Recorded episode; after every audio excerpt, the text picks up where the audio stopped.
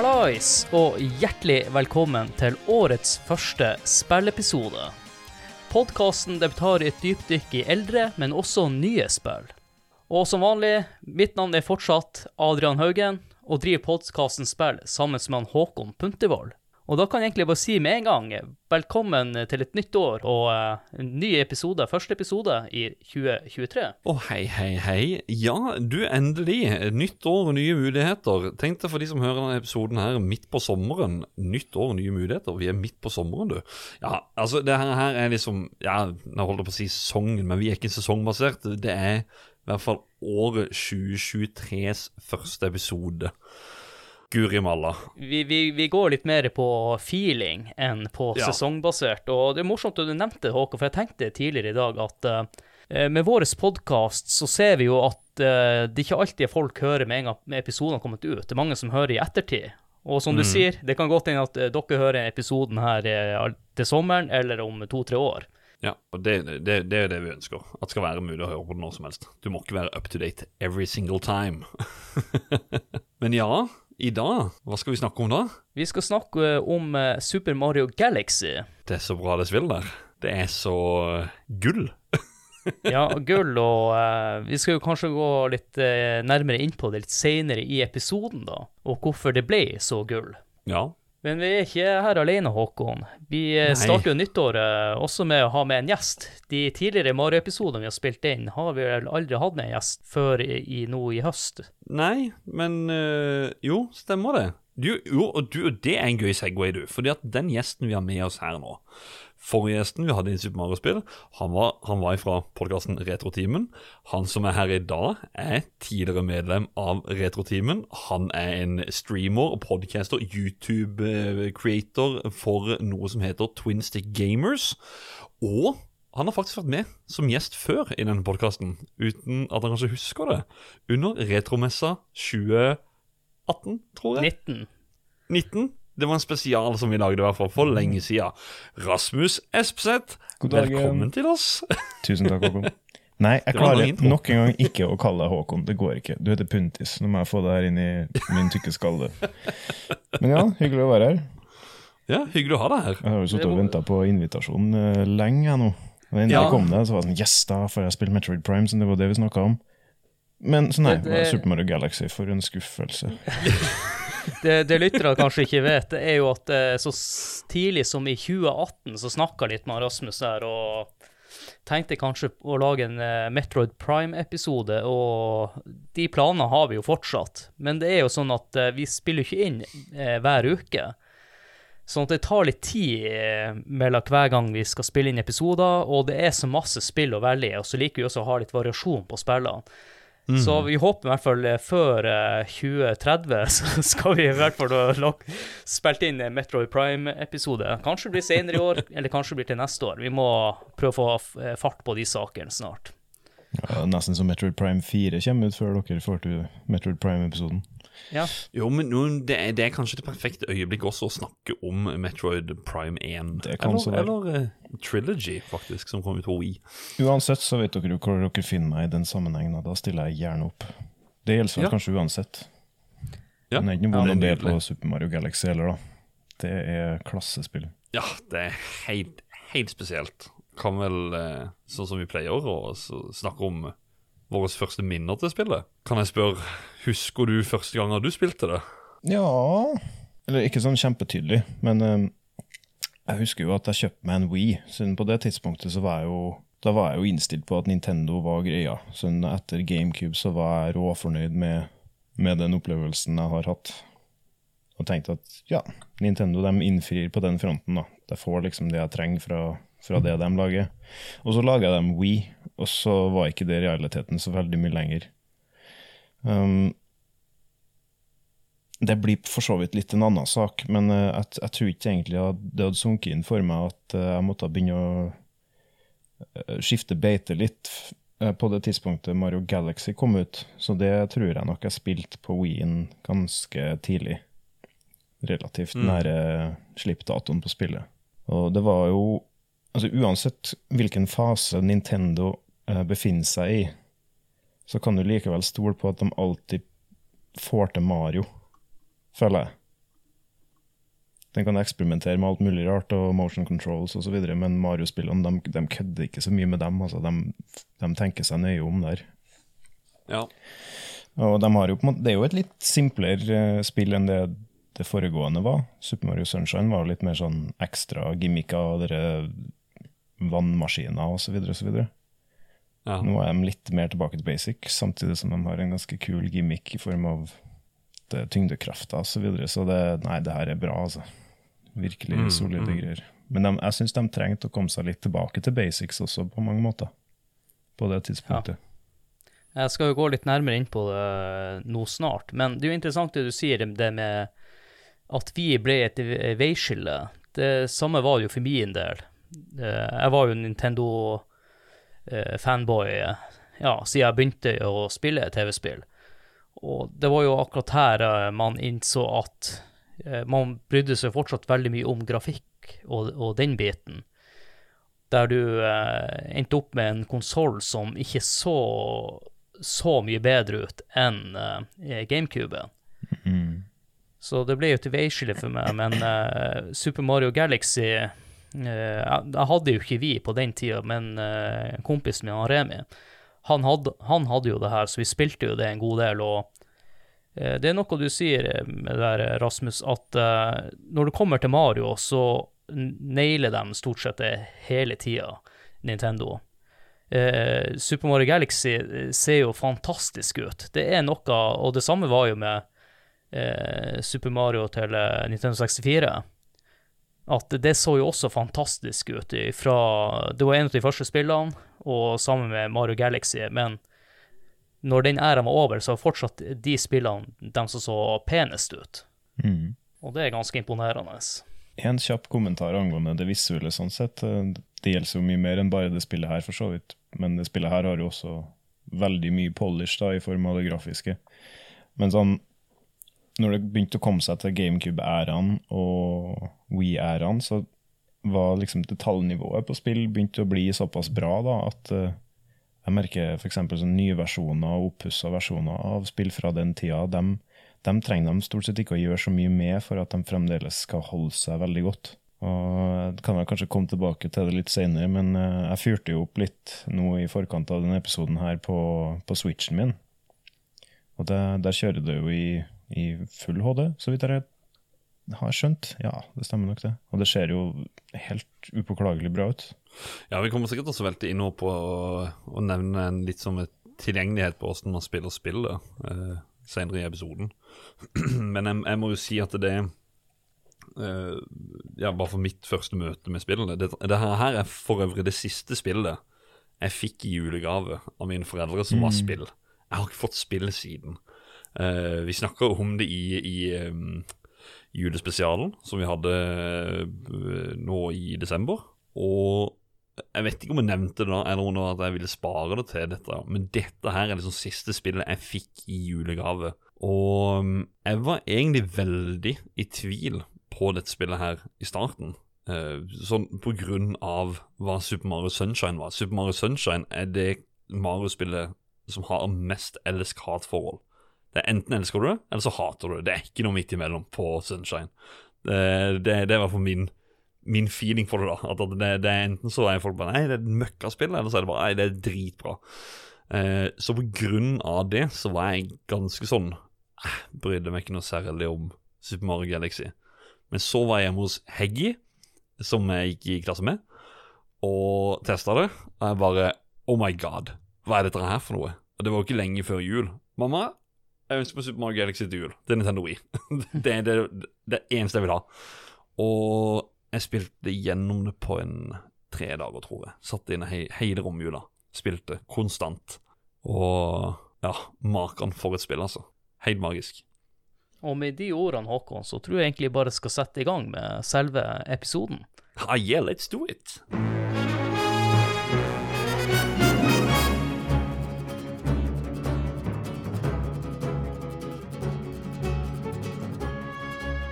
Når du kommer til Super Mario Galaxy sin begynnelse, så må vi reise litt tilbake i tid. Det hele det starta med at Nintendo laga en demo som skulle demonstrere hva GameCubens hardware kunne klare. Og denne demoen ble kalt eh, Mario 128, og ble først vist i år 2000 under Nintendo Space som var en slags foreløper til Nintendo Direct. Denne demoen den viste 128 Mario-karakterer som sprang rundt på en slags sfære, og den igjen endra på fasongen. Og det som også var veldig spesielt, var at samtlige av disse Mario-karakterene var fortsatt klistra til objektet de sto på, når den her endra fasong, da, den sfæren. Og når de hoppa opp, så ble de dratt igjen mot objektet, så i form av gravitasjon. Denne sfæreforma plattformideen ble etter hvert lagt på is pga. tekniske utfordringer med GameCuben. Men noe ut av disse ideene ble brukt i andre spill, som Metroid Prime og F-Zero GX. Og resultatet av demoen i seg sjøl ble ikke et nytt Mario-spill, men det ble starten på Pikmin og Pikmin-serien. Og når det kom til Nintendo sitt neste Mario-spill, så valgte de å gå i litt annen retning i form av Super Mario Sunshine. Og spillet det høsta jo gode kritikker, men det gjorde det ikke like bra som de tidligere Mario-spillene hadde gjort opp gjennom årene. Og det fikk også kritikk for å være veldig vanskelig til tider. Og ikke minst mekanikken med vanntanken som Mario hadde på ryggen. Etter release av Super Mario Sunshine så hadde det skjedd noen endringer i Nintendo. Nintendo sin tidligere president Hiroyoshi Yamauchi hadde takka av etter 53 år i denne stillinga. Og inn kom han Saturo Iawata fra Hell Laboratories. Og han ønska å styre selskapet mot en ny retning. Og hans visjon var å skape spillopplevelser som ville appellere til alle aldersgrupper. Når han Iawata tok over eh, presidentskapet i Nintendo, så holdt de på å jobbe med en ny konsoll som de hadde kalt for Nintendo Revolution, som vi nå kjenner som Nintendo Wii. Og noe av det han Iavata satt øverst på sin ønskeliste, var et nytt 3D Mario-spill som skulle lages til konsollen. Og siden Mario Sunshine hadde vært en av de mer utfordrende Mario-spillene, siden Super Mario Bros 2 som kom ut i Japan, så ville han at målgruppa for det nye spillet skulle være alt fra erfarne spillere til nye spillere, i alderen fra 5 år til 95 år. Så i første kvartalet av 2005 starta Nintendo arbeidet med Super Mario Galaxy, og jobben ble satt til Tokyo-kontoret. Noe som medførte til en del endringer i utviklingsteamet, for tidligere så hadde det vært Kyoto-kontoret som hadde ansvaret for Mario-spillene. Og noen ut av de som var nødt til å begynne å pendle, var han Shigeru Miyamoto, som er skaper av Mario-serien. Og dermed gikk han inn i en slags eh, koproduserrolle sammen med han Takoi Shimitsu. Og direktør var han Yoshiaki Kaizumi, som også hadde tidligere hatt denne rollen for utvikling av Super Mario Sunshine. Og sistnevnte hadde ikke helt glemt av Mario 128-demoen, som han tidligere hadde jobba med. Og han ønska å bygge videre på dette konseptet. Men han møtte raskt på utfordringer, for det var ikke mange ut av de andre i teamet som tente på denne ideen. Og faktisk var det ikke veldig mange av dem som skjønte hva han eh, ville få frem med de her ideene sine. Heldigvis for uh, han eh, Koizumi, så var det én person som skjønte hva han ønska å få frem, og konseptet. Og det var ingen andre enn Miyamoto himself. Og det her gjorde at han Kaizumi satte i gang med å lage en prototype for å gi resten av teamet et bedre innblikk i hans visjon. Og denne demoen brukte han tre måneder på å klarstille. Og når han endelig var klar til å vise den frem, så visste de at eh, settinga var satt til verdensrommet. Og det her var også for å gi folk et bedre innblikk i hvorfor Mario sprang rundt på kuleforma objekter, som i dette tilfellet var gjort om til en planet. Og etter denne eh, framvisninga av demoen, så ble det veldig klart for alle teamet, og de fikk en bra forståelse over hva de ønska å oppnå. Og det her var det som trigga prosjektet, og det skjøt virkelig fart. Og når det kom til Miyamoto sin rolle også, så fungerte han også som en slags spilltester, og han kom med input til eh, kontoret i Tokyo. Men det oppsto også flere ganger uenigheter mellom Koizumi og Miyamoto på hvordan eh, retningen de skulle ta videre med dette spillet. Og vi kan vel trygt si at sluttresultatet ble sunt, og muligens de her uenighetene var viktige for å få fram det resultatet vi fikk i dette spillet. Og spillet ble sluppet ut 1.11. i 2007 i Japan, og her i Europa måtte vi vente i hele to uker senere. og spillet høsta gode kritikker fra kritikere, og IGN ga spillet 9,7 av 10. Og vi får sjøl se hvor vi ender opp litt seinere i episoden. Men jeg må også nevne på tampen at Mario Galaxy endte opp med å selge rundt 11,4 millioner eksemplarer. Og så fikk vi en eh, ny versjon til Switchen i fjor. Og da må jeg spørre som alltid spør, er det noe jeg fortalte dere nå som var nytt for dere, eller er det noe jeg ikke har fortalt som dere har lyst til å fremheve? Eller rett og slett bare eh, Har dere noen kommentarer til det sagt? Jeg elsker når spill eh, skaper noe for andre spill. Og at dette spillet, som er faktisk eh, Nå høres det ut som det kommer til å gi spillet 10 og 10 og 10 og 10 og 10 helt på slutten. Ikke, ikke ta det som selvfølge, men spillet her er jækla bra. Og at det var med å eh, skape ideer for F-Zero GX og Metroid Prime og sånne ting. Det er altså eh, Pikmin eh, at, at, at dette her har vært med og skapt mye av det, det var jeg ikke klar over. Og det er Ja, du tenker, på, det, du tenker på demoen, da? Ja, ja, ja. Ja. ja. men, men liksom konseptet i det, i det hele tatt, da. Uh, for altså det der eh, 128 Mario Altså at det var med å skape det, på en måte. Så uh, Ja, samme. Men, uh, jeg var, jeg var forut, for så vidt klar over at eh, Mario 128 endte opp med å føre til Pikmin i ganske direkte vis, men at uh, det var også plassert på en sånn uh, kuleforma bane, det, det kobla jeg først nå når du sa det, ja. At det også selvfølgelig har føra til at spillet her baserer seg på det gameplayet det gjør. Men den demoen, eh, som sagt, det hadde egentlig mest fokus på at du kunne vise så mange karakterer på én skjerm som ikke var normalt på den tida.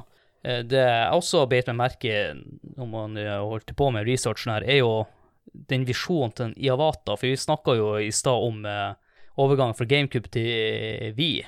Og det her, eh, Wien er jo et resultat av det, hvor han Iavata ønska et større fokus på gameplay og eh, treffe the casual gamers, i stedet for å prøve å lage en eh, top notch konsoll som skulle utfordre andre på hardware og utnyttelse. mm. Jeg syns også at det var gøy med han Koizumi. jeg ser for meg at han står liksom inne på et sånt møte, og så er det sånn her Det er lang, det, det er langt bord, så står han på enden og presenterer det spillet her, og alle sammen sitter rundt bordet der i Japan og bare «Åh, nan, Nani, nani Sitter og undrer. Men så ser du Miyamoto sitter helt ned på enden, knipser og bare I, I, I see what you did there. I understand you. Sånn, OK, it's going on. Det, det er gøy, da, å, å høre at uh, Miyamoto var den som liksom forsto han, da, og, og at han kan være med og uh, Altså, det er, jo, det er som en sier, at ingen Mario-spill er det samme uten Miyamoto, eller Jeg vet ikke om en egentlig sier det, men ja. Uh, Jeg ville i hvert fall blitt veldig happy hadde jeg fått vite at eh, Miyamoto er den som skjønner meg, men ingen av de andre. men da, da går det greit, da. Jeg nevnte jo også at de var jo veldig uenige, og en Ja. av de, største tingene de var uenige om, det var faktisk å eh, få til en story i spillet. For Koizumi han ville ha storydelen, for han har eh, sånn eh, eh, Hans bakgrunn er fra film. Han har eh, vært Ja. noen filmskaper, noe sånt, mens han, eh, Miyamoto han ville egentlig ha minst mulig story og mest fokus på gameplay. De ville ha kokt det ned, ja. Ja, Fytti Akkurat den, det- den forskjellen der eh, Jeg beklager at jeg avbryter litt. Men den forskjellen der den blir veldig tydelig hvis du sammenligner Mario Galaxy 1 med Galaxy 2. mm. Der, det kan jeg nevne senere, men der har jeg en veldig sterk preferanse. Men det er morsomt du nevner. Jeg kan jo også nevne at han eh, Nå skal vi ikke snakke så mye om Mario Galaxy 2, men han Miyamoto ville ha bort storydelen der. Eh, hvis jeg ikke tar helt feil, så tror ikke han eh, Koizumi var like mye involvert i det spillet. Men det var også han Koizumi som innførte den der han, eh, vanntanken i Super Mario Sunshine. Det var han som kom med det konseptet, da. Så han har jo kanskje kommet med noe bra, og så kanskje noe som kanskje noen er litt kritisk til, da, i Mario Sunshine. Så han har vært involvert i begge spillene. Og en annen ting som jeg heller ikke nevnte, er jo at de, som han Håkon nevnte tidligere, var jo at de ønska å gå litt mer tilbake i bort fra Sunshine-delen og gå tilbake til røttene i 3D Mario til Mario 64. Mm. Og det, det er jo som du sa, Håkon, at du får litt Du drar mer eh, referanser til det spillet enn Mario Sunshine. Så det er, jo er naturlig. Det er jo så naturlig, for jeg har faktisk Jeg jeg skal være så ærlig å si at jeg har ikke fått spilt Sunshine ordentlig. Jeg har gitt uh, to-tre timer her, to-tre timer der. Det er bare det, det faller ikke inn for meg, rett og slett. Beklager over dere som er glad i det spillet. Og så er det jo kanskje noen som synes at uh, Mario Galaxy er ganske lett, men det er jo også som jeg nevnte med han Iwata, han ønsker at spillet skulle bli, være lettere, og, og skulle være et spill for casuals. Så Ja. det er jo egentlig det for meg Wien er. Det er en konsoll for casuals, og de fleste jeg vet som har Wii, har ikke hatt noen andre typer konsoller. Så han lyktes jo på det markedet, men mm. sånn som Rasmus eh, jo et resultat av de som er hardcore gamers, som er stort sett eh, vi som spiller inn de her episodene, og dere som hører på. Så det ble litt utdatert, så derfor gikk vi videre til andre plattformer. Det eneste jeg hadde glemt av, eh, det var jo også at eh, han Yavato kom fra Hell Laboratories. For det selskapet nevnte vi nå i høst, der vi snakka om Earthbound. Ja, og Super Smash. Ja. Og Kirby, vel? Ja, vi har ikke hatt noen Kirby-episode. men det, men det, det, det er samme studio, ja. Det er der Kirby kommer fra. Så litt artig at de henter, eller at han eh, ble president da, i denne perioden. Mm. Og vi ser jo et stort skifte i Nintendo etter han, hans inntog da, med både Wii-en, Wii-U-en og mm, hvordan type spill som kommer til de konsollene, i forhold til tidligere. da. Kan vi si også Rest in Peace uh, Yawata, rett og slett. Han uh, gikk jo bort uh, for noen år siden. Ja, Jeg regner med han andre presidenten også eh, ligger under torva, så vi kan si rest in peace til han òg, han som tredde av etter 53 år. Sykt kjedelig hvis ikke han er- er død. Jeg, jeg, jeg, jeg, jeg tør, tør å vedde på at han også ligger under i Han i himmelen i lag med han Iwata. Ja, nå snakker jeg meg bort her, så Ja, Håkon, skal vi bare hoppe til plottet? du, vi tar, vi tar altså gjør det. Åh, ja. Plottet i Super Mario Galaxy Vi snakka om dette her i stad. Storyen er jo Det er litt mer fokus på det i dette spillet enn i et annet Mario-spill.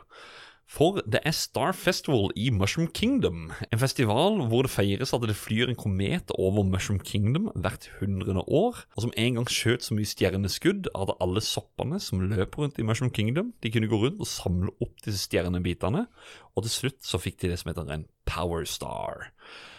Og til feiringen denne gangen så har Peach invitert Mario bort for å se noe ganske spesielt, for hun har funnet en stjerneforma skapning som kalles for en Luma. Mario han drar til slottet, men på vei så eh, som vanlig så kommer Bowser, men hardere enn noen gang. Han kommer eh, susende inn med sine luftskip, som vi alle kjenner fra Super Mario Bros. 3, og knuser Mushroom Kingdom. Han skyter ned både tårn og det ene og det andre, og ja, kidnapper da eh, Princess Peach, tar med seg hele hele slottet, faktisk, og sier at eh, jeg inviterer deg til å være med til min galakse. Og drar av gårde. Eh, Mario prøver å redde henne, eh, blir da skutt av denne, denne plattformen som, som dette slottet er på, og krasjlander da på en planet ute i universet. Og der starter spillet. Det som er unikt med den starten her, er jo at du spiller jo litt før det her skjer Mm. også. Ja, du eh, skal jo løpe til slottet, og eh, bare hør her.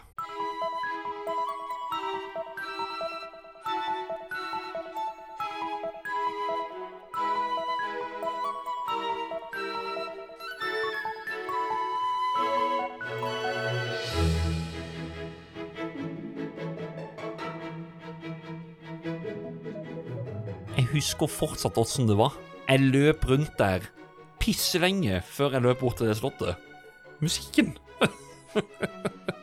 det er jo det at, eh, som du sa, du løper bortover til, til slottet, og så bare brått så kommer jo kanoner og det ene og det andre, og er superfilmatisk, rett og slett. En ekstremt dramatisk intro, egentlig. Det regner jo ildkuler fra himmelen, og sånn soppfolket blir fryst fast i sånn krystaller, og Det, det er nesten som hadde det ikke vært et Mario-spill, så hadde det vært blod og gørr og innholdet over hele fjøla der, liksom. Ja. Det er krig, det er krig. Rett og slett krig. Vi kan jo si at soppfolket de er utrolig dårlige til å slåss. De er også veldig naive, for de har jo ingen våpen. Eh, de har jo så korte armer, så de klarer vel ikke å holde et våpen heller. De, de må jo ha de minste armene i hele galaksen, de der soppene. Ja, det er en ganske dramatisk intro. Eh, jeg skal faktisk være så vågal å si at uh, jeg tør nesten sammenligne Bowser her i sånn aggresjon og alt han gjør. Det er Nintendo sitt svar på Thanos fra Marvel. Ja, så si godt det. som. Det er veldig mye paralleller, faktisk. Og hvis jeg Ja. ikke husker helt feil, så er liksom essensen i planen til Bowser her at han har liksom han har stjålet eh, stjernekraft fra det skipet til en annen karakter som dukker opp i spillet senere, og har brukt den krafta til å kunne reise til midten av galaksen, der han har funnet krafta til å restarte hele universet i sitt, liksom sitt uh, optimale bilde, da. Det er vel kanskje ondeste planen han hadde. Ja, Før var det bare å kidnappe ei prinsesse, nå tar han slottet alt og skal lage et eget univers. og eh, Jeg har litt lyst til å få fram den karakteren du, eh, du nevnte litt nå, Rasmus. For de gikk en annen vei der også, med hun Rosalina. Så den kometen vi hadde sett, eller som den festivalen dreier seg om, det var jo egentlig ikke en komet i det hele tatt. Det var jo egentlig stjerneskipet til en såkalt himmellig skapning som heter Rosalina. Mm. Som flyr rundt og ja, rett og slett bare fikser på stjernehimmelen. Ja, Som faktisk gjorde sin debut i dette spillet her, og har vært litt sånn delvis med i, i Mario-universet eh, i rykk og napp etter det. Mm. Det som er litt interessant når de designer her, er at hun, hun er jo eh, ganske mye høyere enn Mario. Men hun var, var ikke sånn eh, i utgangspunktet. Men når de lagde karakteren, så hadde de også planlagt eh, og tenkt litt ut eh, hvis de skulle bruke en karakter her i andre spill, som f.eks. Mario Kart, for å skille denne personen ut eh, ifra hun Peach og de andre. Og det som er litt morsomt med Mario Kart, jeg tror hun er den eneste kvinnelige karakteren som er den i, i kategorien tung, da. På lik linje som Donkey Kong og Mario. Mm. Er hun det? Ja. Dæven. That store girl bit thick. Ja. Høy og slank. Ja, Så Ja, men det er snedig, ja. Dem- jeg føler, føler Mario-spillene har litt sånn en liten tendens av det bånddame-fenomenet. Det er mye, det er mye prinsesser ute og går, altså.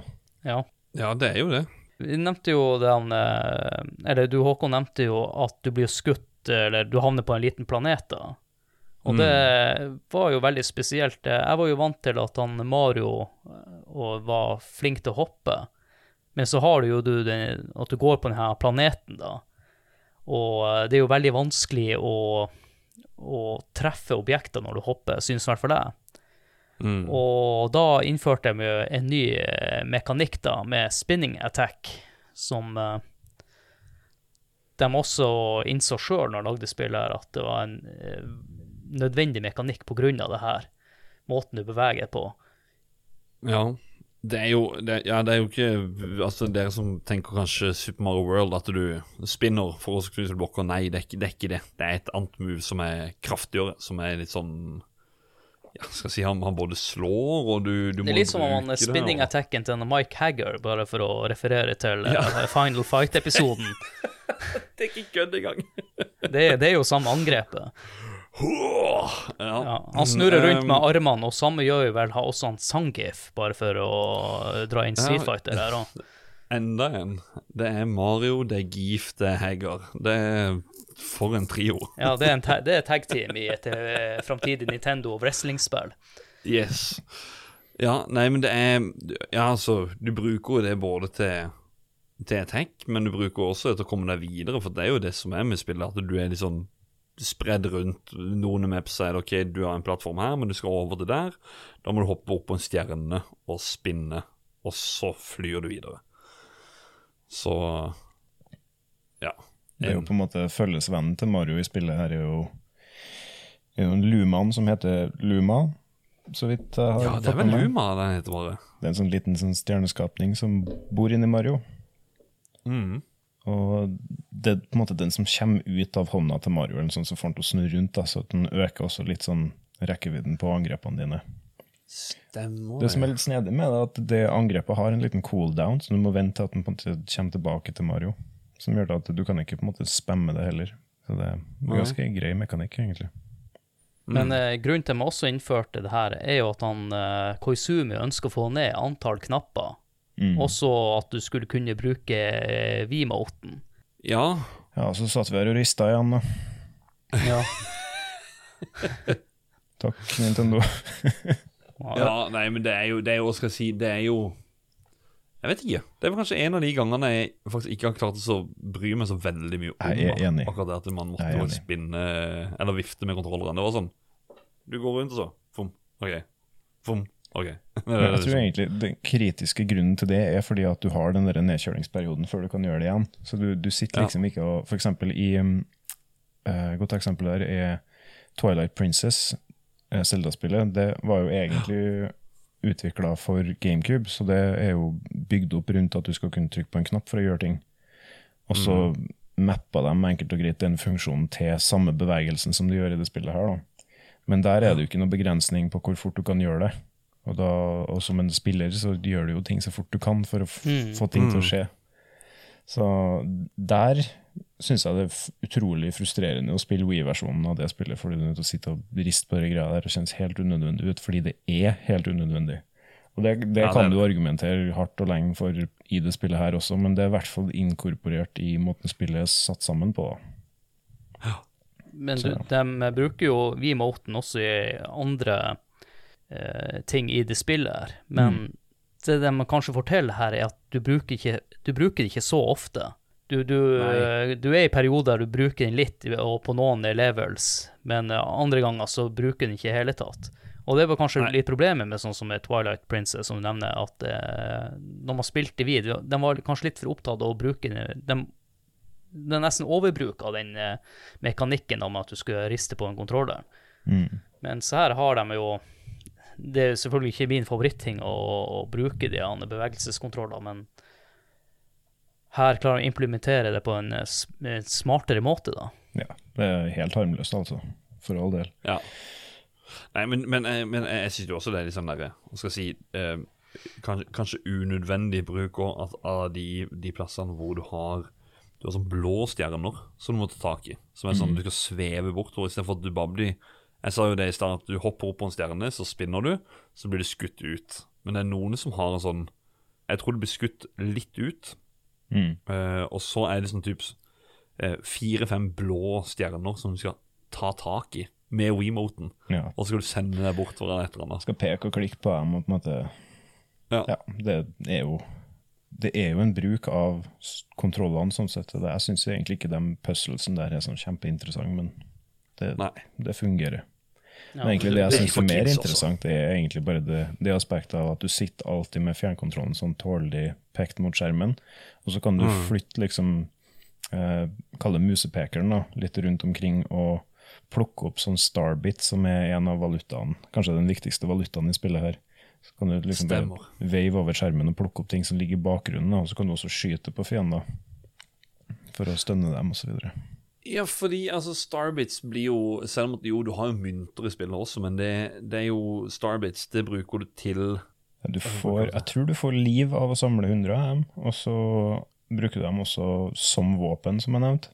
Og så bruker du dem også for å mate sånne sultne stjerner for å få dem til å eksplodere og bli til, bli til andre planeter osv.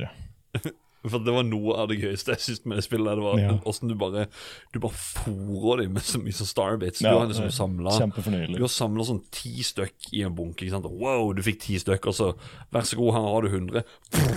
Bare skyter kjeften full, vet du. Kjenner en sånn snål melodi, og så Og så når de, når de transformerer seg etterpå, så sier de bare 'Å, fy faen, jeg er så mett'. Transform! Og så får du den der syke lyden. For oppblåste stjerner. Det er nydelig. Det er stjernerus der, altså. Jepp. Men Håkon, de har jo også innført noen eh, kule power-ups i spillet. her. Vi kan jo gå eh, litt raskt gjennom dem, da. Ja, de har gått inn for noe som heter eh, De har jo egentlig for det meste mushrooms. Det er jo det som er, er i Mario-spillet. Det, det er jo forskjellige typer sopper. Uh, Boo mushroom, hvor du blir om til et spøkelse. Og du blir lignende de fiendene Boo, altså spøkelsene. Så kan du sveve litt opp og ned og typ gå bak gitter.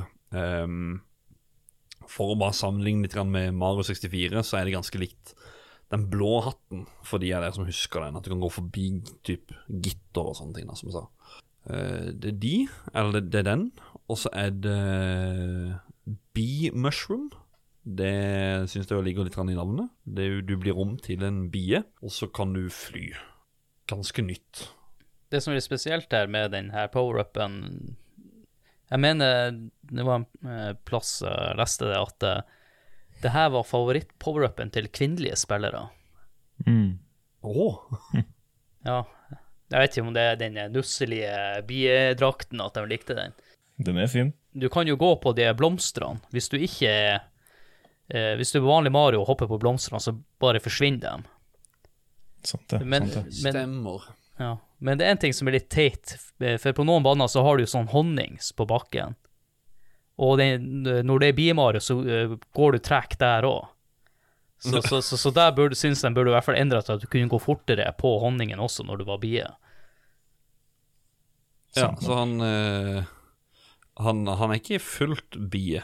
Så litt, litt, litt human still. Men det er jo litt morsom eh, Morsom take, da, den der han eh, biedrakten, synes jeg, da.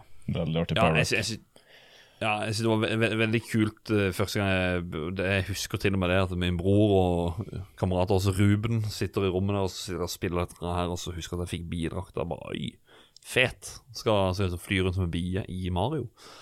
Cool. Jeg spilte jo det biebrettet, første biebrettet i spillet rett før opptak nå. Det er en oh. fin bane, altså. Altså, Ja, ja, ja. Den banen avslutter med at du kommer liksom til dronningbia, og så sier jeg 'Å, du må være the physician', liksom. Du må være legen. Ja, det er noe som klør. Og hun er jo sånn svær skapning med sånn skikkelig den der fine den der pelseffekten de klarte å få til på Star Fox Adventure og det spillet her. Så skal du liksom drive og klatre rundt som ei lita Mario-bie på kroppen hennes og plukke opp sånne stjernebiter. Du blir så fornøyd når du får rydda opp i pelsen. Det er litt sånn Shadow of, of the Colossus Light. Ja, ja, egentlig. Det er en bra analogi. Ja, men det spillet her er så Det har sånn sjarm. Alle, alle Mario-spillene har det egentlig, men eh, det, det er på sitt sterkeste her, spør du meg. Jeg blir så, jeg blir så varm om hjerterota av det. Mm. Ja. Jeg sitter bare og smiler, liksom. Apropos varm. Nå skal du bli kald. For at eh, Ice Flower Ja, sant det. Ja, den er, det er en sånn tidsbasert en, litt sånn som stjerna. Eh, og så blir du til Is-Mario, som gjør at du på typ vann og sånt, eller eh, kall det sprinkelanlegg eller røyr hvor du gjerne har en liten vannsprut på seg, så kan du liksom hoppe opp på det, og så kan du skape en sånn isplattform. Eh, så står du vel på skøyter, tror jeg, hvis du står på stort vann. Mm. Eller går liksom rundt som at du står på skøyter. Det lager sånn isflater rundt deg når du beveger deg, så du kan på en måte kontinuerlig skate rundt på skøyter på isen. ja. Stilig, Ja. stilig power-up. Og så setter du på Tony Hawk-musikk, og da er det on. Eller vent et sekund, jeg skal få henta Adrian uh, Tanheim her. Ja, ja. Yes, som var med i både Tony Hawk 1 og 2 episoder. Nei, det er fin, det er fin eh, power-up det der, altså. Det er, Ja, eh, morsom take, i hvert fall. Så Ja. de, har, de har jo fått med noen eh, originale power-ups allerede, men det er jo enda flere, Håkon. ja, de har også skapt inn eh, Spring Mushroom, som er Å ja, Jeg antar der, at den er ny. Den er ikke med i Sunshine, eller? Du, nå, fikk jeg, nå fikk jeg nesten noen sånn PTSD-aktig følelse. siden Den der liker jeg ikke. Li- Liker du ikke Spring Mushroom? Nei, det er den du blir til ei sånn fjær, ja. Og så må du liksom Ja. holde inn knappen og time Boing, Ja, det, boing. det, er jo et, det er jo et brett som er direkte sadistisk, som baserer seg på den der. Ja, det er not my favorite, altså. Det må jeg bare få si. Nei, for um, the record. Nei, nei jeg er enig. Det er jo ikke en, det er ikke en gøy bane, sånn etter, etter hva jeg husker, men um, jeg syns det var kult, da. At det, det, det er bare Mario som liksom blir pakka inn i en fjær og kan hoppe veldig høyt. Jeg, Jeg tror de heller skulle hatt en sånn rabbit-drakt eller noe sånt. Jeg, jeg synes den her er litt sånn malplassert. Jeg, jeg vet ikke hva de har tenkt på.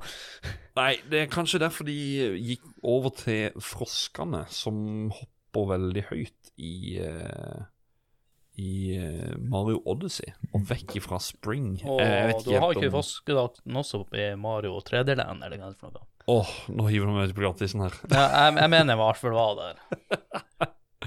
Ja. Nei, og så, um, så har de jo innført en eh, noe som heter Red Star. Istedenfor den røde hatten som alle kjenner igjen fra Mario 64. Den som faktisk er på coveret, hvor Mario flyr. Red Star gir vel egentlig uh, Du blir Supermann, bare uten kappa. Og så får du en rød og sort drakt istedenfor. Uh, rød genser og sorte bukser. Og så svever du som Supermann. Hvis jeg ikke tar helt feil, så er det vel kun i de hub-områdene man kan gjøre det. Jeg vet at det er en bane du skal ta 100 purple coins. Eh, så husker jeg ikke hva, hvor ellers man hvor man får tak i den, men det er et eller annet Jeg liker denne her, her mye bedre enn eh, Mario 64-hatten. Mm. Beklager, men uh, det er egentlig det med at du, du svever bare rett frem. Så i Mario 64 så var det at du måtte bygge fart hele tida. Datt du ned, du kom ikke høyere opp. Det er liksom sånn Ja. Fordelen til Galaxy er at det er jo ti år eldre enn Så man har vel kanskje gjort seg noe, opp noen erfaringer når Ja. de innførte den her, da. ja. Er Eh, ti år yngre. jeg- Eh, men Eh, Jeg vil bare nevne at jeg synes i hvert fall den her Red Star power-upen kunne jo kanskje vært brukt på flere brett også. Det er jo en Den passer jo litt inn i det her tematikken med universet og, flyging flyging og de tingene. da. Ja, det er Ja. jo absolutt ikke et open world-spill, sånn sett. De, de skyter jo fra planet til planet med ganske Ja, det er overlegg bak det. mm, Du har litt valgfrihet, sånn sett, da. For all del.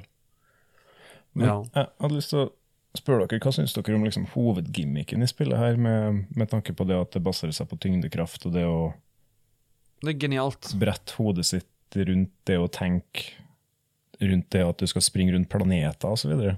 Jeg vil bare nevne med en gang mitt problem når jeg spilte det her, det var at jeg begynte å snu på hodet mitt Ja. når jeg sprang ut planeter. Så, så hodet var jo hele tida på skeiva. Jeg fikk jo vondt i nakken etter, i hvert fall, i hvert fall når det var de kuleforma områdene.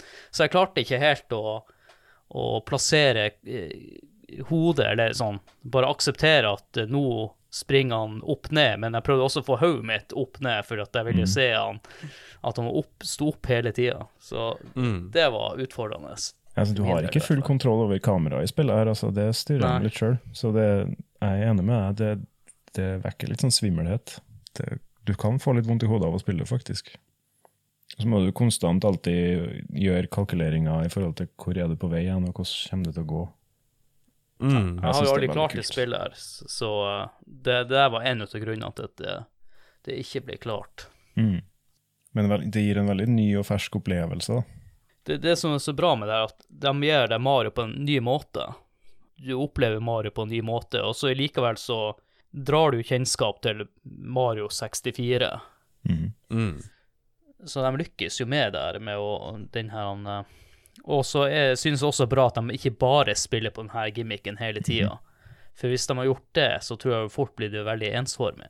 Så man, de klarer å mikse det opp, og det syns jeg de gjør ganske bra.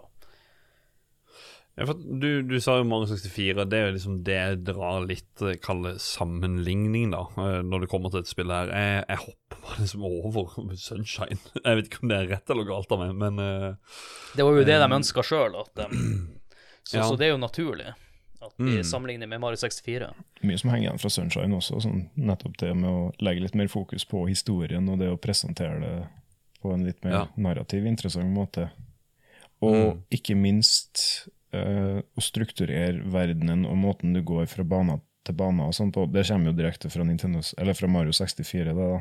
Men uh, det er jo det de, det de droppa i mye større grad når de begynte med Galaxy 2. Der var det jo mer sånn du trykker start, og så kommer du til Map Select-skjermen. Ikke med en gang, så klart. Du har en liten historiesnutt der òg, men den er mye simplere og mye kjappere. og så velger du brett nummer én, og så brett nummer to. Kanskje du kan velge mellom brett nummer tre og fire når du kommer så langt, men sånn, da er vi tilbake til det gode gamle. da. Mange foretrekker det, jeg gjør ikke det, personlig i hvert fall. Jeg, jeg foretrekker i stor grad denne måten å gjøre det på, der du har en åpen verden som du kan velge mellom. Og jeg syns det styrker innlevelsesevnen til spillet veldig. Og der gjør jo hele det romskipet til Rosalina det er jo gull verdt i den sammenheng. Så da åpner du, etter hvert som du får flere stjerner, sånn, så åpner du nye astrologier, eller sånne Ja, for det er jo Ja. Comet Observatory. observatorier. Den plattformen hos en heter. Det er jo, det er jo nesten sånn at en kan det, Nei, det er, ikke, det er ikke Mario 64 Peach sitt slottstørrelse, men det er liksom en eh, eh, veldig stor første etasje, for, for å si det sånn, da. um, og ja, som du sa, du åpner noen forskjellige plasser. Du åpner en terrasse, en fontene, et kjøkken, et soverom, et motorrom, og så er det en hage. Hvor du liksom går inn i de hver enkelte, og der hopper du opp i en sånn Eller de er i en sånn observasjonskapsel med en eh, med sånn teleskop da, som står og ser ut på disse forskjellige galaksene. Og så skal du Ja, faktisk, der må du bruke Wiimoten til å så peke på den stjerna, så må du holde inne eh, knappen, og så flyr han opp. Så får du beskjed om at det kan skytes ut til disse forskjellige galaksene. Eh, jeg syns bare det å gå rundt på den der Comet eh, Observatory Det er herlig i seg sjøl. Ja, Det, sånn, det, det, det er en fin plass. Det, det er jo det som også var styrken med Mario 64, da, å utforske slottet og de der Mm. tingene. Jeg syns det var en stor tabbe at de, at de droppa det aspektet. Men eh, det er jo som du fortalte i introen her, at eh, Miyamoto og gjengen de ville liksom koke det ned litt igjen til basicsen. da. Mm. Men, eh, sånn, de kutta ut den der Flood-greia, f.eks. Den der vannsprutemashina fra Sunshine. Det kan jeg stille meg bak at kanskje var et godt valg. Sånn, det på en måte gjorde Altså, det brukte jo GameCube-spaken på en god måte, da. For all del. Så jeg vil ikke si at det var en stor tabbe, det heller. Men uh, Mario, det syns jeg er en sånn spillserie som gjør seg bedre med litt sånn nedstrippa kontrolloppsett. Mm. Der det ikke er så mye sånn gimmicker, der du kan gi det til en fire år gammel unge, og vedkommende har det gøy, liksom. Mm.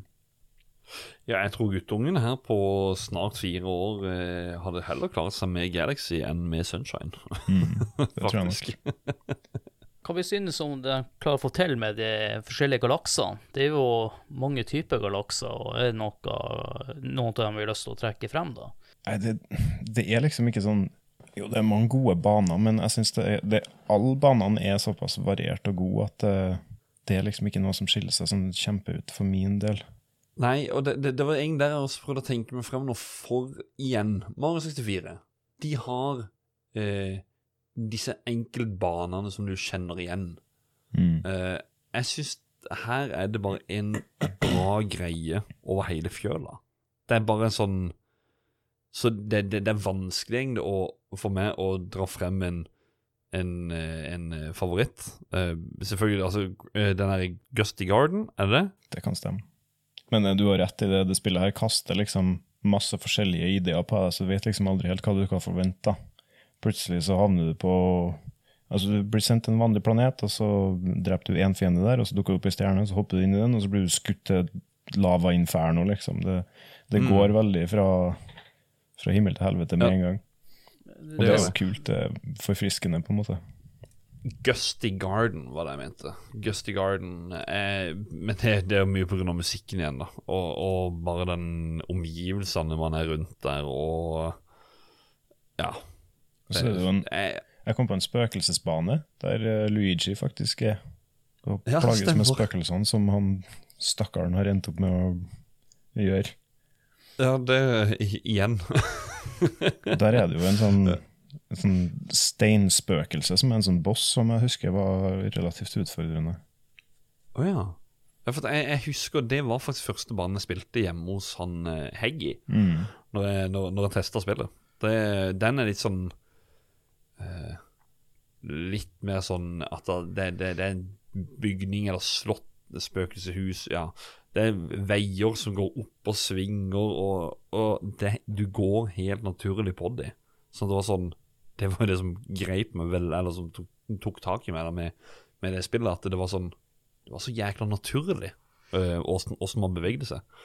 Og det, det er det jeg liker med, med spill, eller med, med level-designet generelt, at det er en sånn naturlig overgang på, på alle ting, og ja. Det er bare bra over hele fjøla. En som i banen jeg syntes var litt kul, det var jo det han Toy eh, eh, eh, Galakse Det er der det blir fjæra. Mm. ja, ja, men no, noe av det, det der Ja, syns jeg er kult. Og så syns jeg også kult det, Det er en plass der de mikser flammer og is på samme. Mm. uh, men jeg vil jo trekke kanskje frem en uh, level som er jævla vanskelig ja, der man bruker uh, V-moten. Det er jo den der eh, du, du er oppe på Samantha, Ja, uff, som ja. Gud bedre. Der skal du drive og balansere Ja. Wiimoten. Ja, ja, uff. oh, ja, stemmer det, ja. Nei. Nei. ja, den er kjip. Ja. Visuelt Nei, ganske det- fin, ja, men den er, den er litt hard, altså. Mm. Men jeg klarer jo å eh, Ja, som vi nevnte, at det er stor variasjon. Eh, man går aldri helt lei, og så er dessverre så er Mantabanen eh, lagt til. eh, Det kunne hende at det hadde vært bedre hvis man kunne styrt på en annen måte. Men igjen, det er jo det han uh, tvinger fram noen ut av uh, De skal ha V-moten inn der. Jeg er spent på hvordan eh, hvordan, eh, Switch-versjonen eh, velger å forholde seg til akkurat den der. Sin Switch-versjonen har jeg spilt i håndholdt-modus eh, de siste dagene nå. Og der er det sånn, den siktinga som den tar dem seg av ved at du kan trykke og dra fingeren over skjermen for å samle opp starbits og trykke på fiender og sånn. Litt, litt frustrerende å på en måte være nødt til å slippe konsollen og så holde den opp med venstrehånda og så drive og trykke. Ja, de er på med touchskjermgreier. Det er også Men det- litt sånn uh... det Da bare ta nesa. fungerer. Ja, det er et litt frustrerende kompromiss, men eh, det, det fungerer egentlig ganske greit. Så Men vidt jeg hvordan gjør det hvis du, har, eh, hvis du ikke har den skjermen, at du har den i dokkinga, da? Da tror jeg den egentlig er akkurat som Wii-styringa var. Ja. Bare at den ikke har den sensor-bar-greia, Altså så den bruker gyroskopstyring, så det er sikkert litt sånn at den detter ut av kalibrering av og til, men Ja. Men for å låse opp eh, eh, siste galaksen, så må du vel ha halvparten av de 121 stjernene. Mm. Det er 60 stykk. Og i Mario 64 var det vel 70, var det som var det? Han, ja. Ja. Som har senka nivået også. Faktisk. Men eh, jeg skal ikke si at eh, det er nummer eh, 121 eller Det er noe, det er noe helt, helt på tampen her, skal jeg ikke si at jeg husker. Men, men jeg vet at altså det, det er jo det som er med disse spillene, at de eh, Ja, det, det stopper Eller at du kan gå til Bowser og, og runde det etter 60, 60 stjerner, men å få de 121 Det er en mestring, det, altså. Det, det, er ikke, det er ikke gitt at eh, ja, de 60 her først, de var greie. Da tar du de eh, 61 neste like lett. Det, det er det bare å glemme. Jeg husker ikke om jeg nevnte i stad med de Purple Coins, eh, eller Purple Stars. De ble jo innført for å eh, gi mer utfordringer til de som var litt mer erfarne Mario-spillere. Synes eh, dere at det fungerer bra, da? Som en sånn ekstra challenge? ja, hvordan var det Purple Stars-greiene? Var, det- var det sånn at du skal springe rundt eh, så Du har jo mye forskjellige sånn type, kall det modifiers. Det, mot slutten av spillet så dukker det opp sånn diverse sånn challenge comets på forskjellige Ja. av de tidligere banene du har gjort. Og Purple Coins eller Purple Stars er vel én, men jeg husker ikke helt hvordan de fungerte.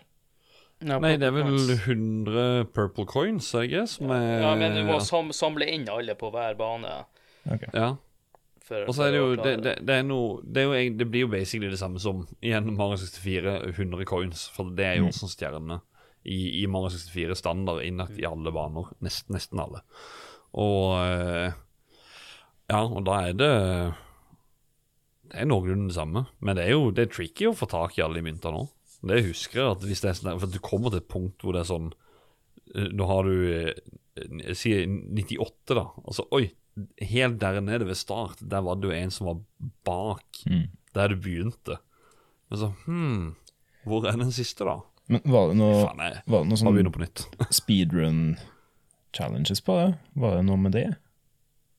Det klarer jeg ikke å komme på i farta. Jeg er usikker. Men, jeg- heller. Men jeg husker i hvert fall at de har, de har Daredevil Comets. Det har ingenting å gjøre med Marvel Daredevil å gjøre, dessverre.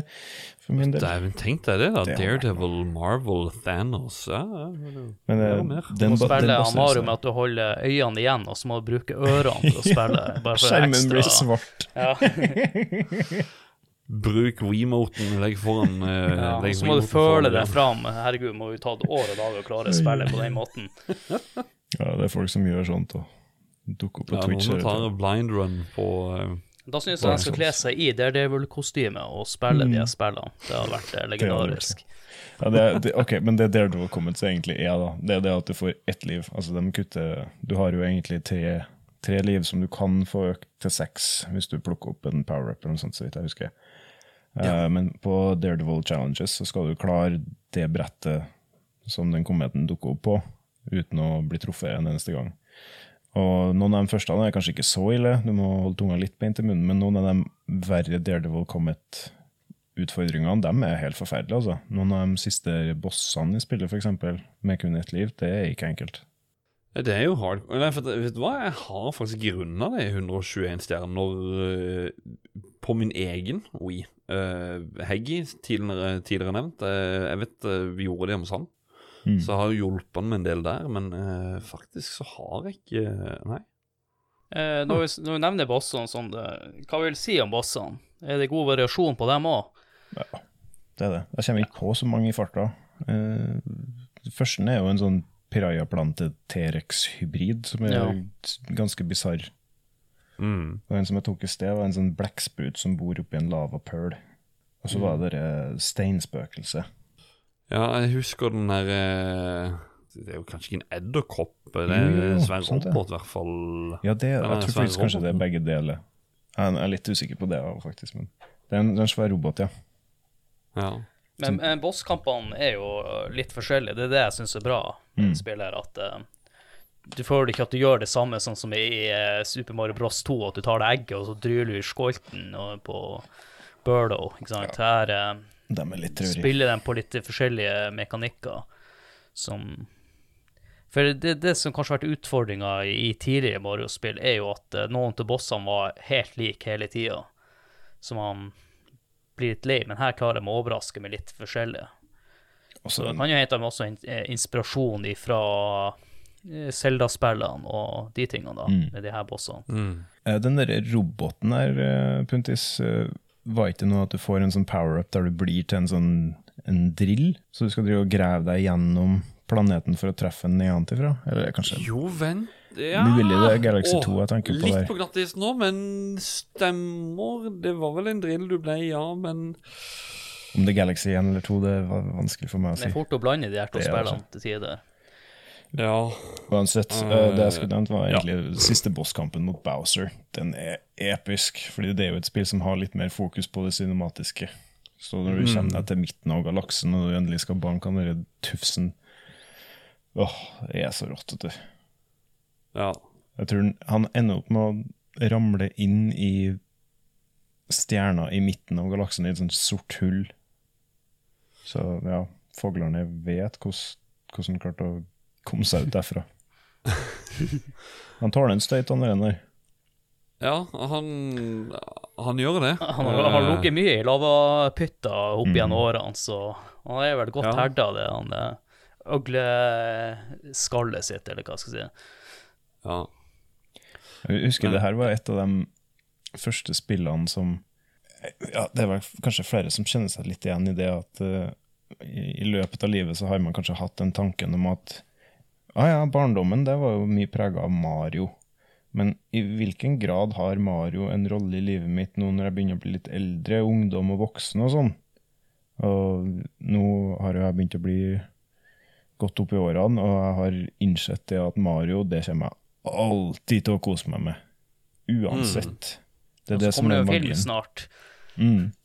Men, men det jeg skulle si, var det at det spillet her, når jeg Det, det klarte å huke meg veldig godt underveis. Jeg har likt spillet veldig godt. Eh, Det ble et sånn comfort food-spill for min del. Mhm. Eh, men det, når jeg klarte spillet og på en måte opplevde hele den episke konklusjonen, og på en måte det begynte å synke inn at nå er jeg ferdig med det, det var et av de første spillene der jeg følte at jeg kanskje burde være ferdig med å være så interessert i Mario, men så satt jeg fremdeles når endcreditsen kom og felte en tåre. Jo, men det, det, er jo det som også vi snakka om i stad. Jeg tenkte vi skal ikke ta dette her med en gang. Eh, for da, da, må vi liksom hoppe til slutten av spillet, eh, når vi snakker om introen av spillet, at det er så filmatisk. Mm. Fordi det spillet her jeg vet det er to ganger jeg liksom har eh, om, om, Ja, jeg vet ikke om jeg, fikk, om jeg faktisk satt og leste hele denne boka. Det har jeg gjort i voksen alder og fått sånn her Oi, fuck. Det er jo historien til Rosalina. Men eh, slutten på spillet, det der sorte hullet, det er liksom på vei til å sluke alt. Altså Mario, Peach, alle skal liksom Alle er doomed, alle skal dø. Og så kommer Luman frem og bare 'Jeg kan stoppe det', men dette er slutten på vår reise. Nå Takk, liksom. Og så sammen med mange andre lumere så bruker de en sånn stjernekraft at de klarer også å stoppe det sorte hullet. Resten er bare musikken som begynner da, og du ser det som Mario er sånn herre eh, Hæ? Skal du forlate meg nå? Du ser den derre tristheten, da. Ja, fytti grisen. Jeg, jeg husker det det kommer nok en tåre. det, det, er heavy. Mm. Eh, og sammen med Rosalina sin historie. Du kan Gjennom spillet så er det sånn bibliotek som du kan gå inn i, så kan du høre en sånn historie da som hun forteller. Og det, det er hos sin historie, da, hvor da eh, Ja, hun forteller eh, Jeg husker ikke ordrett åssen den er, men hun og Luma stikker ut i galaksen jeg må bare skyte inn at eh, Og for øvrig, den, denne historien her, det lille Det er sånn du går til et bibliotek eller noe sånt, og så, ja, ja. så finner du Jeg lurer på om du låser det opp underveis, flere kapitler ja. i det, men uh, den er lagt fram og, og illustrert med sånn vannmaling. Og, så det, mm. den er lagt opp som en sånn uh, barnebok, nattafortelling-greie. Som du kan svinge noe Liksom det er morsomt å nevne det, for han, uh, Koizumi han ønsker egentlig å gi ut ei fysisk barnebok av den der boka. Mm. Det kan jeg ja, den, den, den, boka der er jo sånn der, det er jo tristhet som løvenes konge. Den er, den er kjempefin. Den er så fin. Ja, Jeg skal ikke ta så spoile hva som skjer, men det er mye I hvert fall etter at jeg ble pappa, så er det et eller annet hjerte som bare har vokst inni meg. Og sånne ting sånn som det. Jeg takler det ikke. Det blir, det blir tårevått med en gang. Så gå inn på YouTube. Det ligger en 15 minutters video her hvor du kan se hele boka. Eller helst spille det. Eller ja, spill spillet også, for seg sjøl. Eh, Hvis ikke du klarer å samle alt, så ja. ja. Håkon, jeg tenkte nå at du kan få lov til å spille av ei låt, for jeg har litt lyst til å gå litt nærmere inn på musikken til spillet, som vi ennå ikke snakka så mye om. Oh yeah.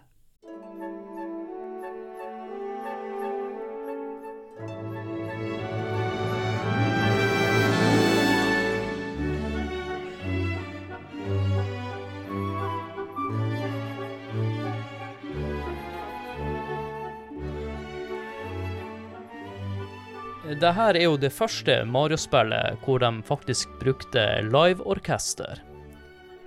Men Ja, du hører det på musikken. Uh. ja. Men det var ikke sånn helt i starten, fordi at eh, da eh, var eh, ideen at de skulle bruke latinoinspirert musikk, som han eh, komponisten Mahito Yokoto hadde lagd. Og når han presenterte fra han, eh, Koji Kondo, så var han overhodet ikke begeistra for denne ideen.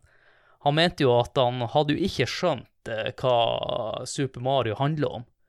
At uh, Super Mario er ikke et barnespill, rett og slett. Og han Yokoto, han, han, han syntes jo tilbakemeldinga var såpass tøff at han vurderte å trekke seg fra det her prosjektet. Men han fikk en ny sjanse og, eh, og ble overtalt til det, da. Så eh, tre måneder seinere så presenterte han tre nye forskjellige alternativ. Og det første var eh, mer sånn orkestral musikk, da. Og det andre var mer popmusikk, og det tredje alternativet var en blanding mellom begge.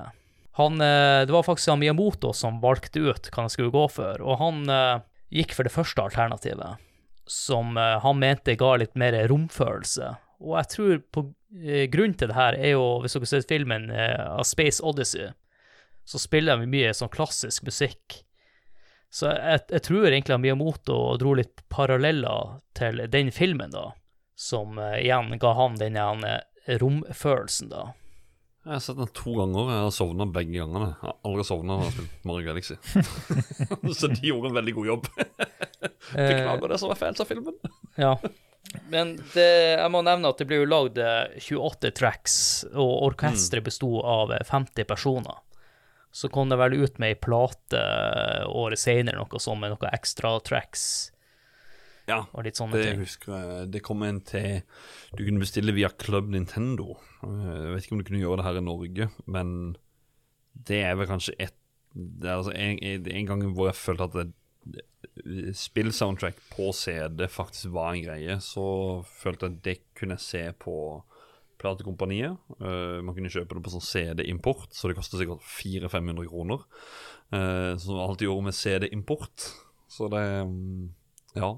Eh, jeg, jeg husker Mario i sånn uh, Som dirigent, eller hva det er for noe, så er det liksom en galakse med masse stjerner i og sånt, da, som, som er grafikken der. Dere hører han eh, Håkon er det veldig begeistra. Håkon bruker å kjøpe LP-plater med spillmusikk og samle Ja. litt på det, så det er grunnen til at han går litt ekstra i detalj når vi snakker om musikken her.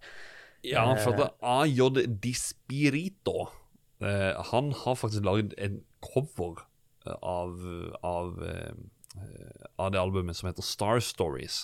Det kjøpte jeg faktisk på vinyl. eh, beklagelig, guttungen var litt uheldig og traff stiften. Og gjorde at det kom en heftig ripe på sånn rett over tre av de beste låtene. Men sjekk ut det albumet, Star Stories, til AJ Dispirito. Det ligger både på YouTube, det er på Spotify, skal jeg mene. øh, overalt. Og det er bare vakkert. Det er ikke noe. Det er like vakkert som originale soundtracket. Eh, Rasmus, du som er litt sånn eh, musiker fra før av, hva du synes om det tracket her? Eh, får den til musikken i spillet? Ja, øh, nå fikk det jo nesten til å høres ut som jeg har noe jeg skulle no, noe kompetanse å lene meg på for å snakke om Ja, det. ja, det er jo det jeg satser på. Just, øh, der tok du feil. Nei, jeg kan Men jeg kan jo si litt om det, siden jeg syns jo det her er jo på en måte Altså, spillmusikk har jo vært mye pling og plong opp til det her tidspunktet, på mange måter. Uh, veldig mye eksperimentelt på 2000-tallet med PlayStation 2-generasjonen og GameCube-generasjonen. Men det å rote til seg orkester for å lage orkestrale soundtracks til spill, det tror jeg ikke egentlig var helt normen på det her tidspunktet. Uh, og det har jo blitt utrolig populært i seinere tid, til den grad at jeg syns de kan heller tenke seg litt om å gjøre noe nytt nå til dags, men på det her tidspunktet så var det egentlig ganske nytt og friskt. Og det er jo ikke noe å stikke under en stol at det virkelig på en måte styrker uttrykket til spillet. da. Hever det veldig, gir det liksom litt mer gravitas. Og det passer veldig med, med det at spillet skal føles litt stort og mektig ut. da. Og det er jo et helt upåklagelig soundtrack, som du sier, Håkon. Det er helt sinnssykt. Det er så bra. Og kjennetegn til bra soundtrack er jo når eh, musikken, at du drar Med en gang du hører den, så, så vet du med en gang hvilken type spill det er, og du, du klarer også å begynne å mimre og sånne ting. Så jeg tror det, i hvert fall de som er en, en del yngre enn meg, da, og kanskje har det her som sin første Mario-opplevelse, så med en gang de hører musikken, så vil de eh, kjenne igjen momentant. Ja, ingen tvil. Herregud. Tenk deg introduksjonen som Super Mario, eh, som vi ble kjent med. Ba-da-ba-ba-da-bam. Men de kjører jo, de kjører jo litt sånne kjente låter, versjoner av kjente låter også i dette spillet. Men de klarer også å skape nye låter som uh, ja, får sin egen identitet og, og, og blir noe eget, da, som man drar kjensel av nå også i, i ettertid. Mm. Men det var jo en ting vi glemte å nevne i stad, når man har klart spillet. Du kan jo faktisk Ja. låse opp en karakter her. En ganske kjent eh, karakter. Luigi! Eller som, som han sier. Ja. Det er jo eh, 121 stjerner totalt i spillet. Men når du får 120, så står jo han oppe på um, denne her eh, Comet Observatory. Og så kan du prate med han og si at Øy, jeg vil også på jakt etter Power Stars. Så kan du starte spillet med han. Og så er det vel etter du har runda det med han at du kan få 121 stjerner. Men eh, han er jo annerledes. Kanskje litt mer hard mode, med, med tanke på at han, han har alltid noe sånn såpestykker under skoene, for han er jo alltid så glatt på føttene. Ja. Ja, han må kjøpe seg nye sko eller noe sånt. Det virker som det er skikkelig sånn nedslitt eh, med sånn han er skikkelig hard gummi han får å springe på. Ja, Mario og han på sykkeltur, så var det han som bremsa med føttene, og han som ødela skoene, så fikk de speilglatte. Ref barndom og Ja. på mm. Is og alt sammen, for da bremser for mye med føttene. Og da kan vi jo egentlig reklamere litt for den episoden vi lagde i fjor på denne tida, så Super Mario Bros 2, Mm. der uh, bevegelsesmønster ble innført. Så der snakker vi om at uh, Super Mario Bros 2 er jo ikke Super Mario Bros 2, så det er egentlig et annet spill som har påvirka Luigi, som jeg syns er veldig fascinerende. Og det har uh, fulgt med han uh, hele veien, da. Det her med å være litt slippery og hoppe litt høyere. Ja, sprelle, sprelle med beina, ikke minst. Uh, han ja. Rasmus var jo inne på det i stad, at det kommer jo ut en eh, Super Mario 3D Allstars til Switch. Og hva du vil si om den eh, versjonen? Ja, det her er jo en del av den eh, samlepakken de ga ut på Switch i Det var det i fjor, eller forrige fjor? Ja, jeg mener det var i fjor. Eh, 2020. Å, såpass, det er såpass. Ja, Det var ikke det? Korona. Ja. ja det, alle disse årene her har gått litt i ett. Uansett, det, det har vært ut, og Nintendo har jo fått litt kritikk for at de valgte å ehm, gjør det i form av en begrensa utgivelse. Jeg er litt usikker på Ikke begrensa den. I praksis kanskje ikke, men egentlig så er den det. Men eh, er spillene tilgjengelig digitalt? Har dere det? Nei, jeg tror, jeg tror, det, er det, jeg tror det er det at han ikke er fjerna der. Eller så er de Det er enten det eller altså, Ja, det var greia at de sa spillet er limited. Det er en 3D Allstar Pack. Kjøp det mens det ennå er tilgjengelig. Så de gjorde noe med scalpers, som det heter, de som kjøper spill og selger videre, for det er limited edition. Ja. De kjøpte jo gjerne 20-30 kopier av det spillet, så ja.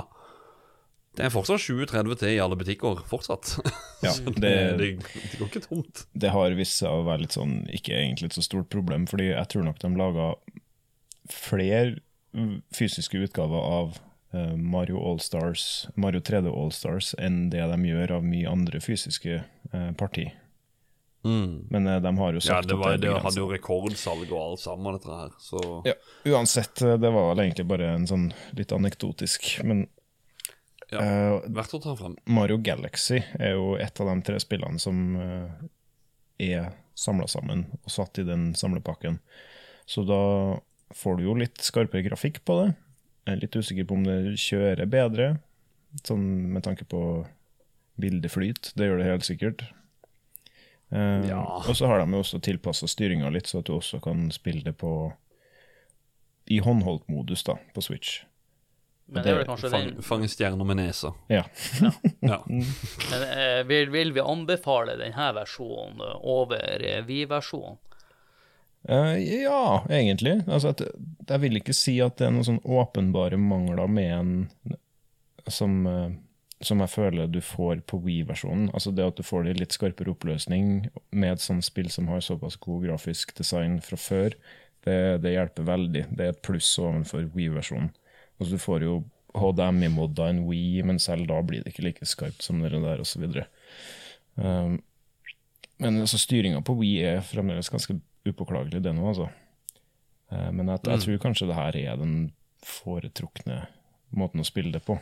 Som for eksempel eh, Super Mario Sunshine, opprinnelig laga for en GameCube-kontroller, og det som er litt spesielt med Gamecube- GameCube-kontrolleren, er det at uh, skulderknappene har analog styring og, eller analog sensor mens du trykker den inn, og så har du en knapp på bunnen som på en måte klikker.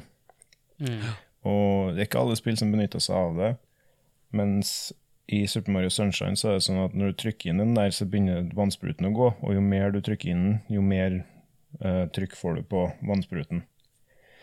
Eh, og den funksjonen var rett og slett ikke implementert i det hele tatt på Sunshine-versjonen som ligger på Allstars. De har senere oppdatert det, så du kan plugge i en GameCube-kontroller og få den funksjonen gjenoppretta. Mm. Uh, men ja, det er sånn, sånn der sånn småting, da. Det er jo et Det er jo et sånn typisk minus som jeg ville ha trukket frem. Men jeg syns ikke det er så mange av dem på Mario Galaxy. Det gjør seg egentlig Nei. veldig godt. Nei. Og så må jeg bare nevne én versjon til uh, som uh, er ganske sprøtt. Nvidia Shield. Den eh, portable uh, konsollen til Nvidia. Der kom det ut Kina eksklusivt, faktisk. Eh, jeg har sett side by side hvordan de fungerer i håndholdmodus.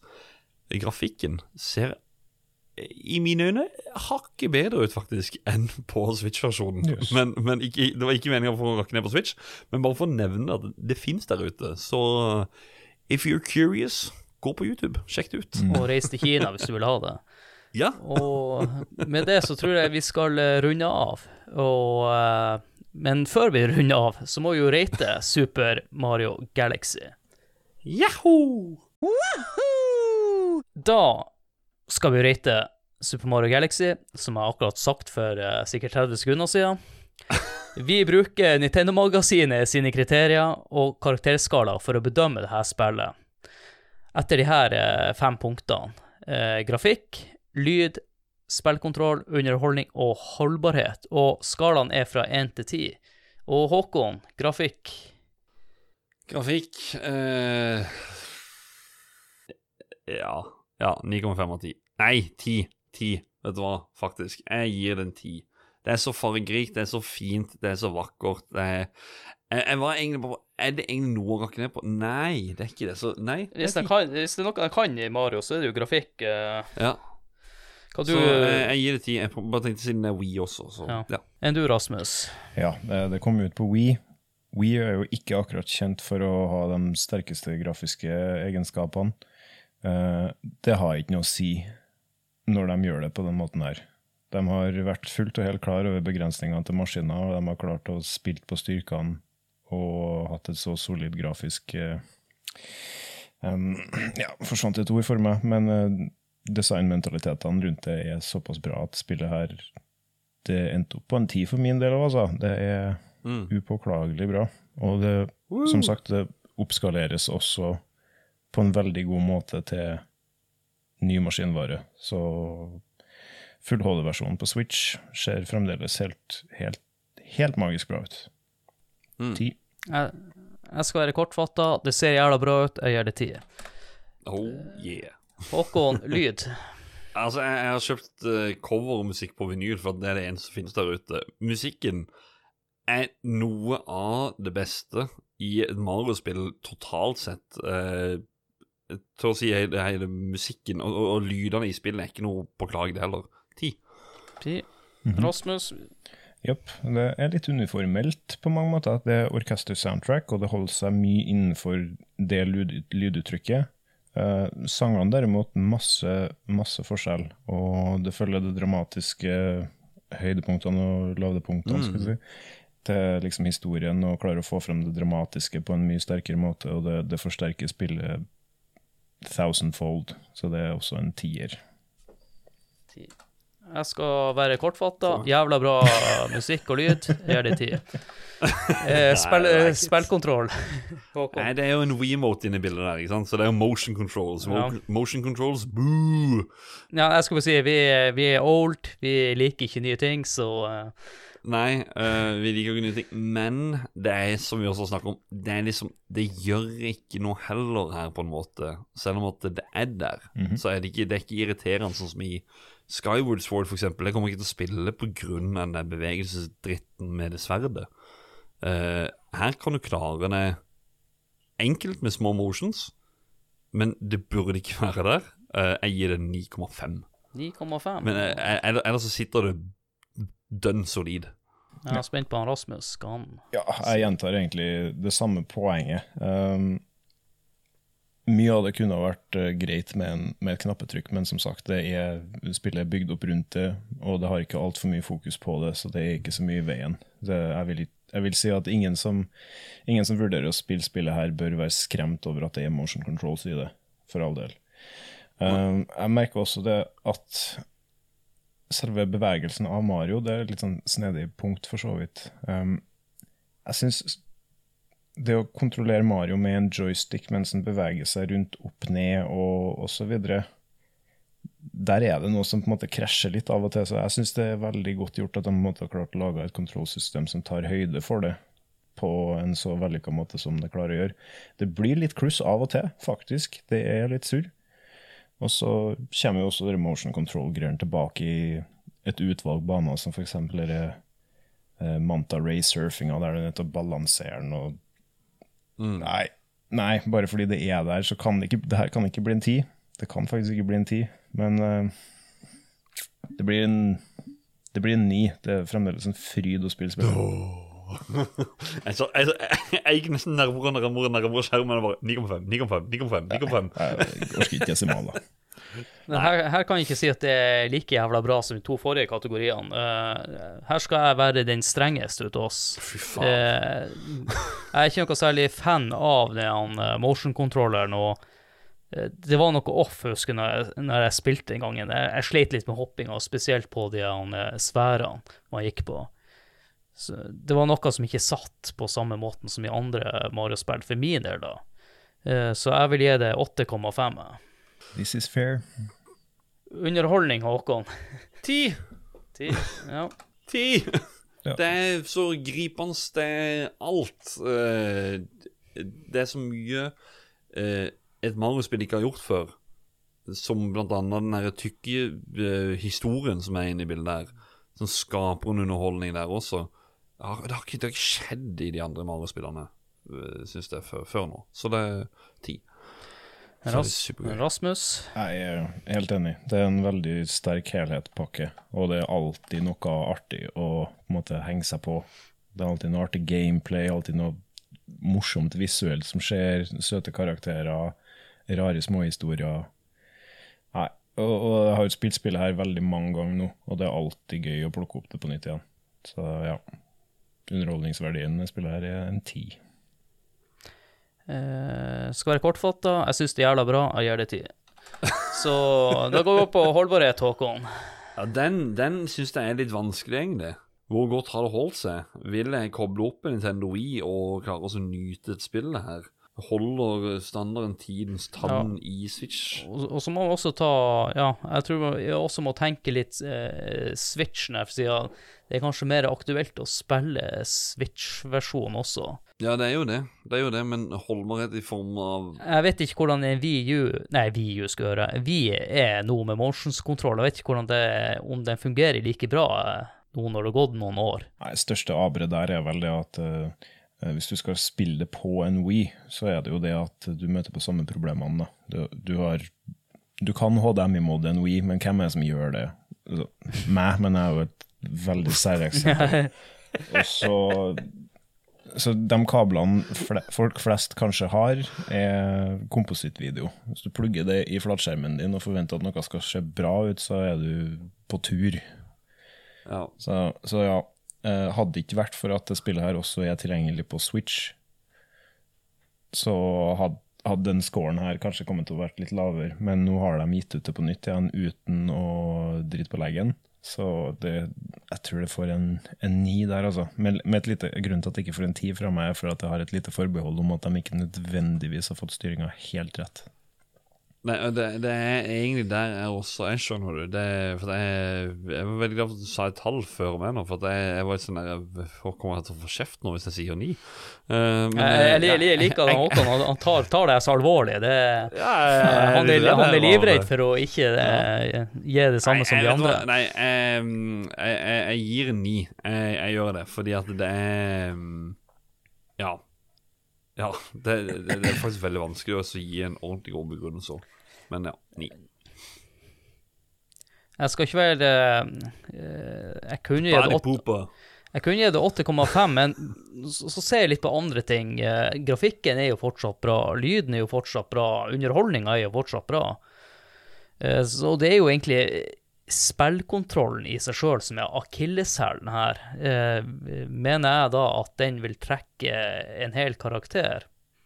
Der er jeg litt usikker på om jeg skal eh, Det er jo Mario, de har jo også en tendens til å være de som eh, holder seg best opp gjennom årene også. Vet du hva, jeg skal være den snilleste til oss. Jeg skal gi henne 9,5. Å, mm -hmm. Å, du dæven. Det er et veldig interessant punkt, akkurat det der, sånn i, i litt større sammenheng, faktisk. Fordi altså, jeg, mistenker at spillet her uh, redder seg inn fordi at det ikke er fokusert så sterkt på motion controlsen, og med en mer robust sånn alternativ kontrolloppsett her nå, så er mye av utfordringene med det, og misnøyen til mange eh, kan kanskje utbedres litt. grann. Mens f.eks. i spill som Skyward Sword for eksempel, jeg har jo prøvd nyversjonen der, og det er mer robuste alternativ for å styre det, men samtidig så er det fremdeles problem med det. Så jeg, jeg Mm. prøvde å fyre opp det igjen og komme gjennom det. Nei, det, det gikk ikke. Der foretrekker jeg faktisk å spille det på Wii. Så ja, der, det ville f.eks. ha fått en mye dårligere score i denne konteksten, Mm. nettopp av det. Heldigvis for deg, Rasmus, så trenger du ikke ta stilling til det spillet i denne episoden. Og Men eh, nå er jeg jo på eh, veis ende, og det er jo sånn at eh, når vi har med gjester, så skal de få lov til å plugge det de holder på med. Så Rasmus, take it away. Ja, um, fuglene vet. Nå er det jo egentlig litt stillstand i mye av uh, de kreative tingene som jeg styrer med. Uh, Men det kan hende det dukker opp litt mer etter hvert. Uh, Twin Stick Gamers er vel det som viser seg mest motvillig til å dø. Det er jo en gamingkanal på YouTube. Vi streamer litt innimellom. Og sikkert før sommeren eh, har kommet for fullt, så er vi nok i gang med Dark Souls 3-streaming. Da skal vi prøve å omsider komme oss i mål med det, jeg og mine kompanjonger der. Ellers blir det nok litt sånn gamingkvelder i hist og pist. Og så har jeg og min eh, felles Twisted Gamer Petter prøvd etter beste evne forrige gang en musikkpodcast som heter Satan Rockers. Men så begynte bandet hans å ta av, og så fikk han seg dame, og så sa han bare ha det til meg.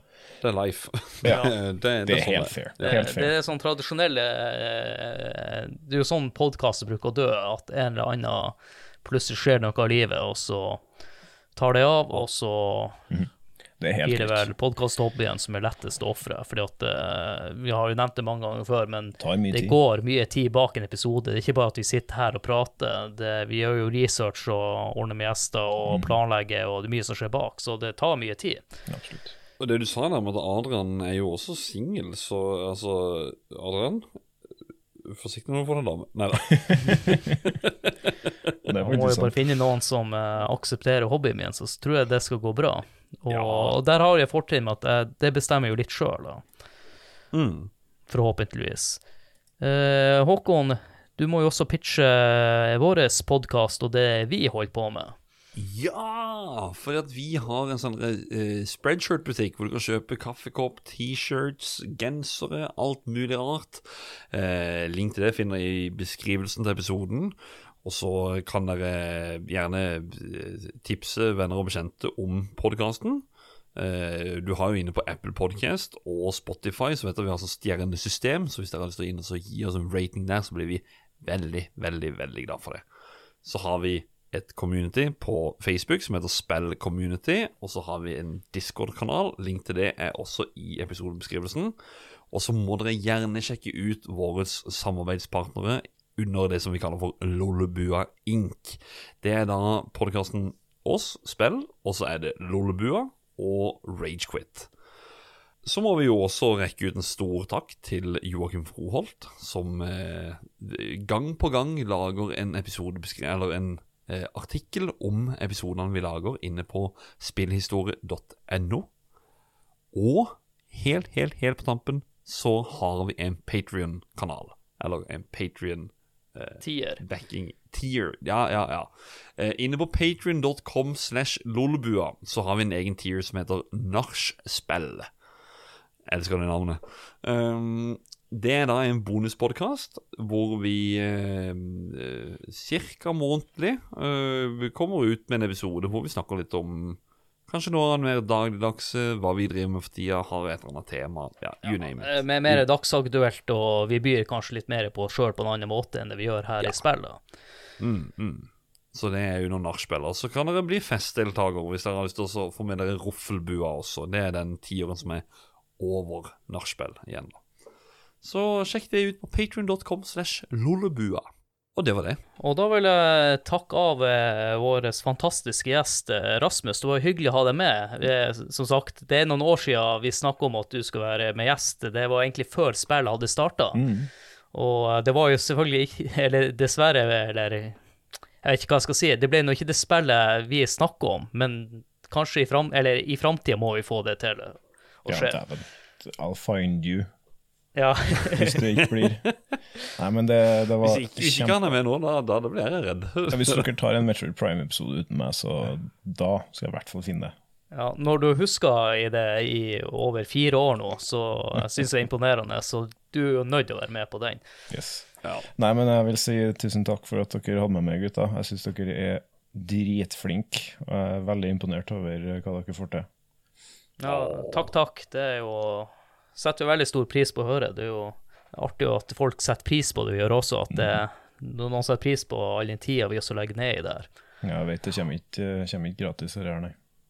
Nei, det det er tungt. Det er krevende, men det er gøy til syvende og sist. Ja, det viktigste er jo at det er jo gøy. Ja, det kan være slitsomt til tider, men det, det er jo derfor jeg holder på med det. Det skal være gøy. Det skal ikke være en jobb. Mm. Eh, Så må jeg si takk til deg, Håkon, for at jeg skal ja. snart eh, ha eh, kake som skal med på jobb i morgen. Så jeg må klokka er over ti, og jeg må fortsatt lage glasuren til den kaka. Kos deg med det. Ja. Så takk for meg, og ja, takk for det. Ja, takk for meg, og takk for dere hørte på. Og with that bombshell så sier jeg ha det! Hei da. Tips til neste gang. Bare, bare Toro. Bare gå for Toro.